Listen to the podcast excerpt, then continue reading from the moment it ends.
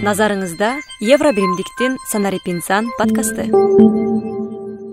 Саламатсыздарбы урматтуу угармандар. Ободо санарип инсан подкасты эки миң жыйырма үчүнчү жаңы жылыбыздын экинчи чыгарылышын кызыктуу коногубуз менен баштап турабыз. Бүгүнкү коногубуз жыйырма биринчи кылымдын кесибинин ээси программист маалыматтык технологиялар боюнча адист мурат жумашев. Саламатсызбы мурат э, мырза айтсаңыз сиз э, өзүңүздү сизди көбүнчө кыргызстандыктар мекендештер эки тараптан тааныйт. Биринчиси бул күчтүү программист э, америкалык чоң бир стартапте иштеген. Деп тааныса экинчи жарым бөлүгү кыргыз маалыматтык технологияларды же болбосо айти тармагын кыргызча баягы түшүндүрүп берүүгө кыргызча окутууга аракет кылган адам катары деп айтат. Анан өзүңүз кээ бирде социалдык барчаңызда жазган сөзүңүз бар экен аялдык программистмин деп. Анан өзүңүздү кандай негизи тааныштырасыз мен өзүм кесибим боюнча англис тил мугалиммин да. Онлайн курстардан ушу эки миң он экинчи жылы окуп баштап эки миң он төртүнчү жылы программист болуп кеттим да. Ошондо отуз отуз бир жашта болчумун. Негизи өзүм программистмин деп тааныштырам бирок ага чейин эмне болуп программист болуп калдым деген суроого мындай деп жооп берет элем да. Биз эки миң он биринчи жылы болсо керек google транslateке кыргыз тилин киргизебиз деп аракет кылганбыз да. Ошондо google translate кандай иштейт биз кыргыз тилин кантип киргизебиз деп маалымат изилдеп атып ошондо бул машиналык үйрөнүү машин learning деген технология ошол кыргыз тилинде сүйлөмдөрдү же фразаларды англис тилине которуп анан ошол бир туура келтирип тизип анан ошону алгоритмдерге бергенде алгоритмдер үйрөнүп ошо тилди мындай котормолор жасайт деген маалымат алып анан ошентип иши кылып чогултканбыз да керектүү дайындарды. Анан ошондо мен аябай кызыгып калгам. Ошол да себептердин бири болсо керек. Google translate аркылуу анан ушу программалоого кызыгып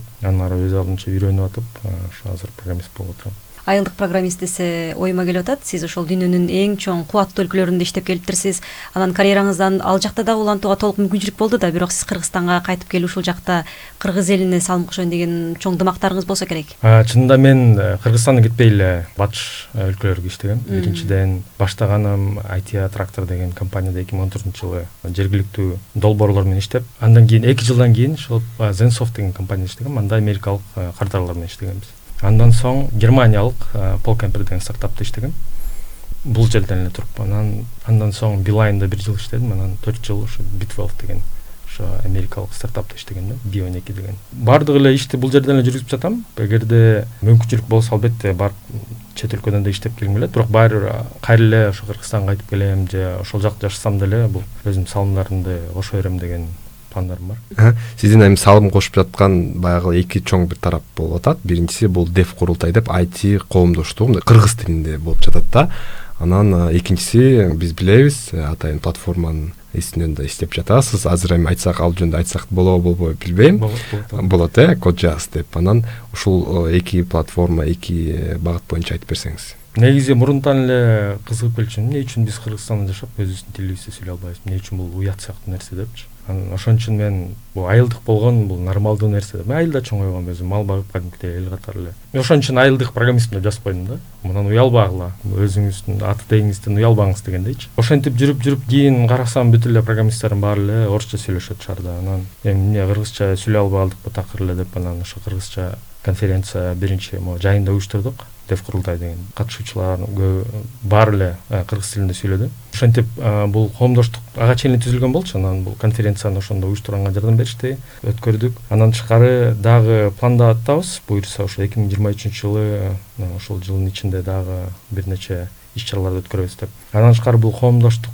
уюштурган себебим бул биригип бир нерсе жасайлы бул программисттер келели бири бирибиз менен маалымат алмашалы бири бирибизди үйрөтөлү биз кыргыздар кичинекей эле калкпыз бири бирибизге конкурент эмеспиз. Бул дүйнөнүн алкагын алганда биз кичинекей эле бүт кыргыздардын баары программист болбосо дагы жумуш ар дайым табылат. Тескерисинче билим бөлүшүп ошентип бири бирибизди колдойлу деген урааны таштап ошентип бири бир чогулуп атабыз да. Иш жүргүзгөнгө аракет кылып атабыз. Эмне код жаз боюнча? Код жазыш боюнча айта кетсем бул кыргыз тилинде айтып кеткендей эле сүйлөгөн адамдар толтур айыл жергесинин баары эле кыргызча сүйлөйт. Ошол эле маалда кыргызча программа жазып үйрөнөм десең бир да курс жок да. Убагында эки миң он төртүнчү жылы болсо керек код академи деген америкалык стартапка кайрылып силердин курсуңарды сайтыңарда курсуңардын баарын кыргызча которолу деп кыргыз тилине которгонбуз чоробек сагдамбеков байке экөөбүз ошентип которуп бир жылдан кийин эки жылдан кийин алар ой кыргыздар силер колдонбойт экенсиңер деп алып салышты да. Эми жалаң кыргыздар эмес анткени ал жакта француз тилинде да курстар бар болчу башка тилдерде алар бир гана англис тилине көңүл бурабыз деп баардык тилдердин баарын жоюп салышты ошондо аябай катуу капа болуп бир четинен жиним келип анан аны да өзүбүздүн платформабызга жазабыз деп эки жумада эле жазып койгом тууралуу элечи үйдөн эле анан аны кол тийбей таштап койгом эки миң он бешинчи жылы таштап коюп ошондон бери мына эми олтуйп ошо жайдан баштап кайрадан аны жандандырып пандемия учурунда бир аз үйдөн отуруп отуз күн ичинде бир саат бир күндө бир саат бөлүп жазып көрдүм. Онлайн стрим да бар ютубумда ошо жазып аткан процесстердин баарын жаздырып койгом да.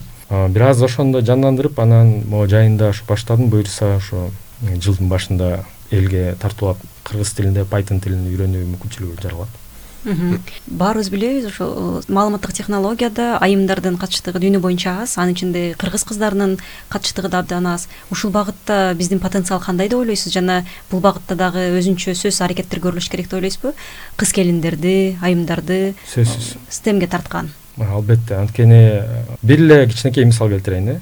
Эгерде биз ой айымдардын жумушу эмес деп эми көп эле улуу адамдарды угам да өзүмдүн атам деле айтат бул кыздардын жумушу эмес бул деген эркектер ал андай эмес бул жерге таш көтөрүп аткан жокпуз оор таштарды туурабы. Эгерде биз ошондой мамиле кыла турган болсок кыргызстанда иштей ала турган адамдардын элүү процентин жөн эле үйгө отурула деп атабыз да. Ошондо экономикага элүү процент азыраак э, акча түшөт деген сөздү билдирет да. Изилдөөлөр бар экен ввпны он процентке жылдырам десеңер айымдар иштесин дейт да. Үйдө отурбасын иштесин дейт ошондо ввп дагы астыга жыгылат деген маалымат бар. Бул экономикалык жагын айтып атам. Баягы башка мындай этикалык жагын албаганда эле ошо сандарды айтканда эле ошондой болуп атат да. Андан тышкары байкашымча айымдар бир аз тартынчаак коркок сыяктуу көрүнөт да. Эми өзгөчө биздин маданиятта ошондой болсо керек. Ошондуктан аларды мисалы жумушка алууда ошондой нерселерди дагы эске алыш керек деп ойлойм да. Адам аял киши билип турса дагы ой мен билбейм деп тартына берет да. А биз эркектер болсо өзүбүздү төшкө каккылап эле бир эки макала окуп алып эле ай мен билем муну деп эле чыга беребиз да коркпой элечи барып эле жумушка кирип алабыз ошон мисалы мен эмне үчүн антип айтып атам? Анткени өзүмдүн келинчегим программист болуп ал дагы үйрөндү бул жактан эле курстардан окуп. Ал өзү кесиби боюнча ким эле? Кесиби боюнча финансист кыйналган жок да э бат эле үйрөнүп кетти кыйналган албетте. Эми эки баланын энеси баарыбызга тамак даярдаш керек үй жыйнаш керек дегендей кыйналды бир топ эле кыйналып анан бирок азыр илип кетти да башкарма ролун аткарып атат. Назарыңызда евро биримдиктин санарип инсан подкасты. Ошол теманы улантып эле сиз көптөгөн компанияларда иштедиңиз. Ошол эле чоң баягы дүйнөлүк стартаптарда. Анан кесиптештериңиз айымдар да болгон. Анан алар баягы билебиз эркектерден мырзалардан деле кем калбай эле ишин так алып барат да. Анан ал эми андан дагы бийигирээк кандай бир иштерди мындай жакшы алып кете алат деген оюңуз бар бул америкалык стартапта иштегенде ал жерде программисттердин жарымысына жакыны айымдар болчу да. Бирөөсү стенфорд бүтүрсө бирөөсү эмайтини бүтүргөн ошондой сыяктуу да мындай кадимкидей эле программисттер. Эми билбейм бул мындай ой булар мындай тигилер тигиндей деген эч ой да жок да. Мындай иштеп атасың кадимкидей эле программист. Код жазат сага окшоп эле сенден да кыйын керек болсо көбүнчөсү бул суроону эмнеге сурап жатабыз? Анткени биздин санарип инсан долбоорунун негизги максаты маалыматтык технологиядагы айымдардын дагы ролун жогорулатуу болуп саналат бир багыты. Ошон үчүн бул суроолорду улам сурап жатабыз. Жалпы эле ошол кыргызстанда калктын санариптик көндүмдөргө болгон мүмкүнчүлүктөрү же болбосо абалы азыркы учурда кайсы деңгээлге келди деп ойлойсуз? Жалпы базалык санариптик көндүмдөр ар бир адамда барбы же дагы иштеш керекпи мунун үстүнөн? Биринчиден бизде мындай жалпысынан калкты алганда бизде компьютерлер өтө аз да. Смартфон бар. Бирок мен ошол эле жана код жазды жазып жатканда өзүм телефонуман ачып көрдүм да. Анан код жазып көрдүм ошол жерден. Ачылат экен жазып көрсөң болот бирок ушунча кыйналасың да. Телефондон код жазганды үйрөнүү өтө кыйын да. Ошондуктан компьютерлер алып бергенге мен менин оюмча ушу ата энелер мүмкүн болушунча компьютерлер алып берсин да. Ой бул деген жазбай эле ойной берет деп урушат урушу мүмкүн. Эми ойногондо ойноп аткандыр бирок ошон ошо оюндун аркасынан кызыгып бул оюн кандай иштеп болот экен деп ар жагын чукулап бери жагын мындай бир аз өзгөртүп көрүп ошентип атып компьютерлерге кызыгып бир аз коркпой калат да? Эң биринчиден компьютерден коркпош керек.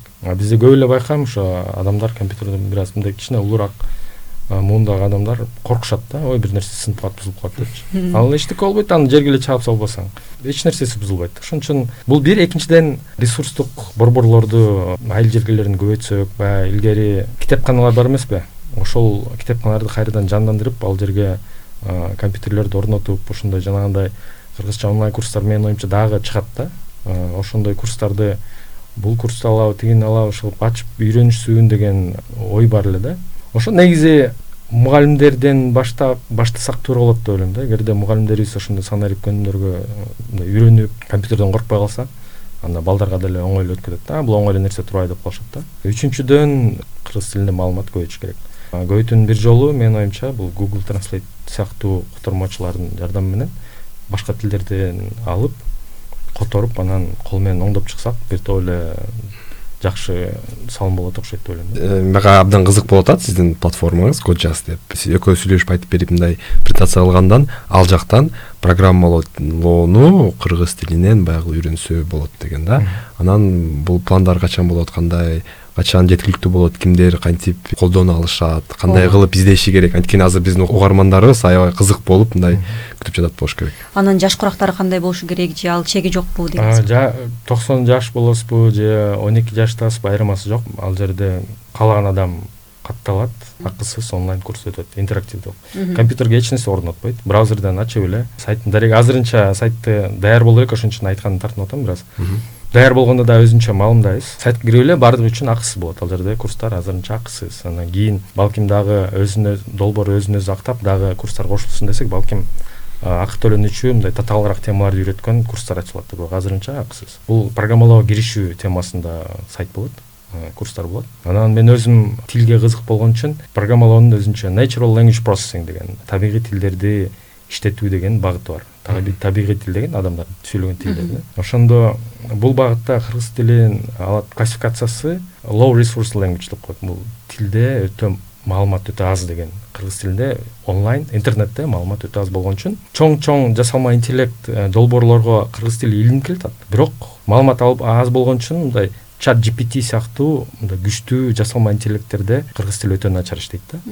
Ошол менин э, аябай чоң кыялым бул кыргыз тилинде болгон китеп гезиттердин баарын санариптештирип интернетке чыгарсак ошол чат gpt дегенди өзүңөр колдонуп көргүлө эгерде колдонуп көрбөсөңөр ал англис тилинде эң мыкты иштейт да. Сиз ага google сыяктуу эле колдонсоңуз бирок болот бирок гуглдан да артык. Ал мисалы жомок жазып берчи десең жомок жазып берет. Мен могу программа мондай жазып аттым эле могу жерден ката чыгып атат кантип оңдойм десем айтып берет да. Баарын төкпөй айтып берет. Анан коддун мисалдарын берет. Мына моундай жазсаң могу жерде ката болуп атканы окшойт деп көрсөтөт да. Бул биз бир аз бир кадам артта калып атабыз деп ойлойм. Анткени кыргыз тилинде маалымат аз анан жасалма интеллект ал англис тилинде көбүнчө үйрөнгөн. Ошондо биздин кыргызстандыктар дагы кичине артта калып баратат окшойт деп ойлойм да. Анткени мына мен код жазганда ошол чат gptге кайрылып эле мурун гуглдун ордуна гуглга барып анан кийин тигини басып муну басып издечүмүн да аябай кыйналып. Азыр болсо ошо чат gptге кайрылып эле көп маалыматты алып алам бирок анын баарын мен англисче алып атам да. Англисче билбеген адам кыйналат. Ошон үчүн э, кыргыз тилинде санариптештирилген маалымат көп болуш керек тексттер көп болуш керек деп эсептейм. Анан бир глобалдуу мындай суроо берели. Азыр жанагындай жасалма интеллект э, баягы айтымы боюнча кээ бир программисттерди кээ бир кесиптерни баягы ордуна келип калышы мүмкүн деген сөз бар. Мүмкүн даже азыркы учурда ошондой болуп жатат анан баягы программисттердин ролу кийин дагы алдыңкы жылдары ылдый түшүп кетпейби. Биз мисалы мурун экономист финансист болуп анан азыр кайра программист болуп кетип баардыгын кийин жасалма интеллект алмаштырып калат экен деген дагы ойлор бар да ошол боюнча кандай айтасыз? Мен мисалы уулума айтам да уулум сен программист болом десең жалаң эле программист болбой. Мисалы химик программист же биолог программист же физик программист сыяктуу бол депчи сен бир кесипке ээ бол анан код жазганда оңой эле үйрөнүп аласың. Мен деле үйрөнүп албадым. Азыр болсо эки миң он экинчи жылы ресурс өтө аз болчу курстар өтө аз болчу. Азыр эми толуп кетти да. Англис тилинде да орус тилинде да бар эми кыргыз тилинде чыга турган болду. Бул эмнени билдирет? Бул жана чат gpt сыяктуу жасалма күчтүү жасалма интеллекттин жардамы менен код жазган оңойдон оңой болуп баратат мурункудай дүркүрөгөн айлыктар төлөнбөй калышы мүмкүн деген божомолум бар. Ошон үчүн кызыгуу да балким азайып кетеби деген да коркунучтар. Эми мен үчүн коркунуч окшойт ушундай болушу мүмкүн деп ойлойм бирок ошону менен эле катар санариптештирилбеген багыттар адам жашоосунда өтө көп да. Мындай стартаптар дагы көбөйө берет. Ошондуктан менин оюмча программалоо ошо айти баардык күнүмдүк жашообузга терең тамырын киргизип тарайт. Ошо менен бирге баары бир программисттерге дагы бир нече жыл билбейм бир нече он жыл талап көп эле болот деп эсептейм да. Бирок сөзсүз түрдө дагы бир башка кесипке ээ болгон туура болот деп эсептейм бүгүнкү маегибизди жыйынтыктайлы кысаласа кетсек бизде бүгүн программист өзү айткан айылдык программист э, мурат жумашев болду. Берүүнү мен ажыбек нурланов жана кесиптешим сапаргүл абдинабиева алып барды. Аман туруңуздар. Ободон кайрадан жолугушканча. Назарыңызда евробиримдиктин санарип инсан подкасты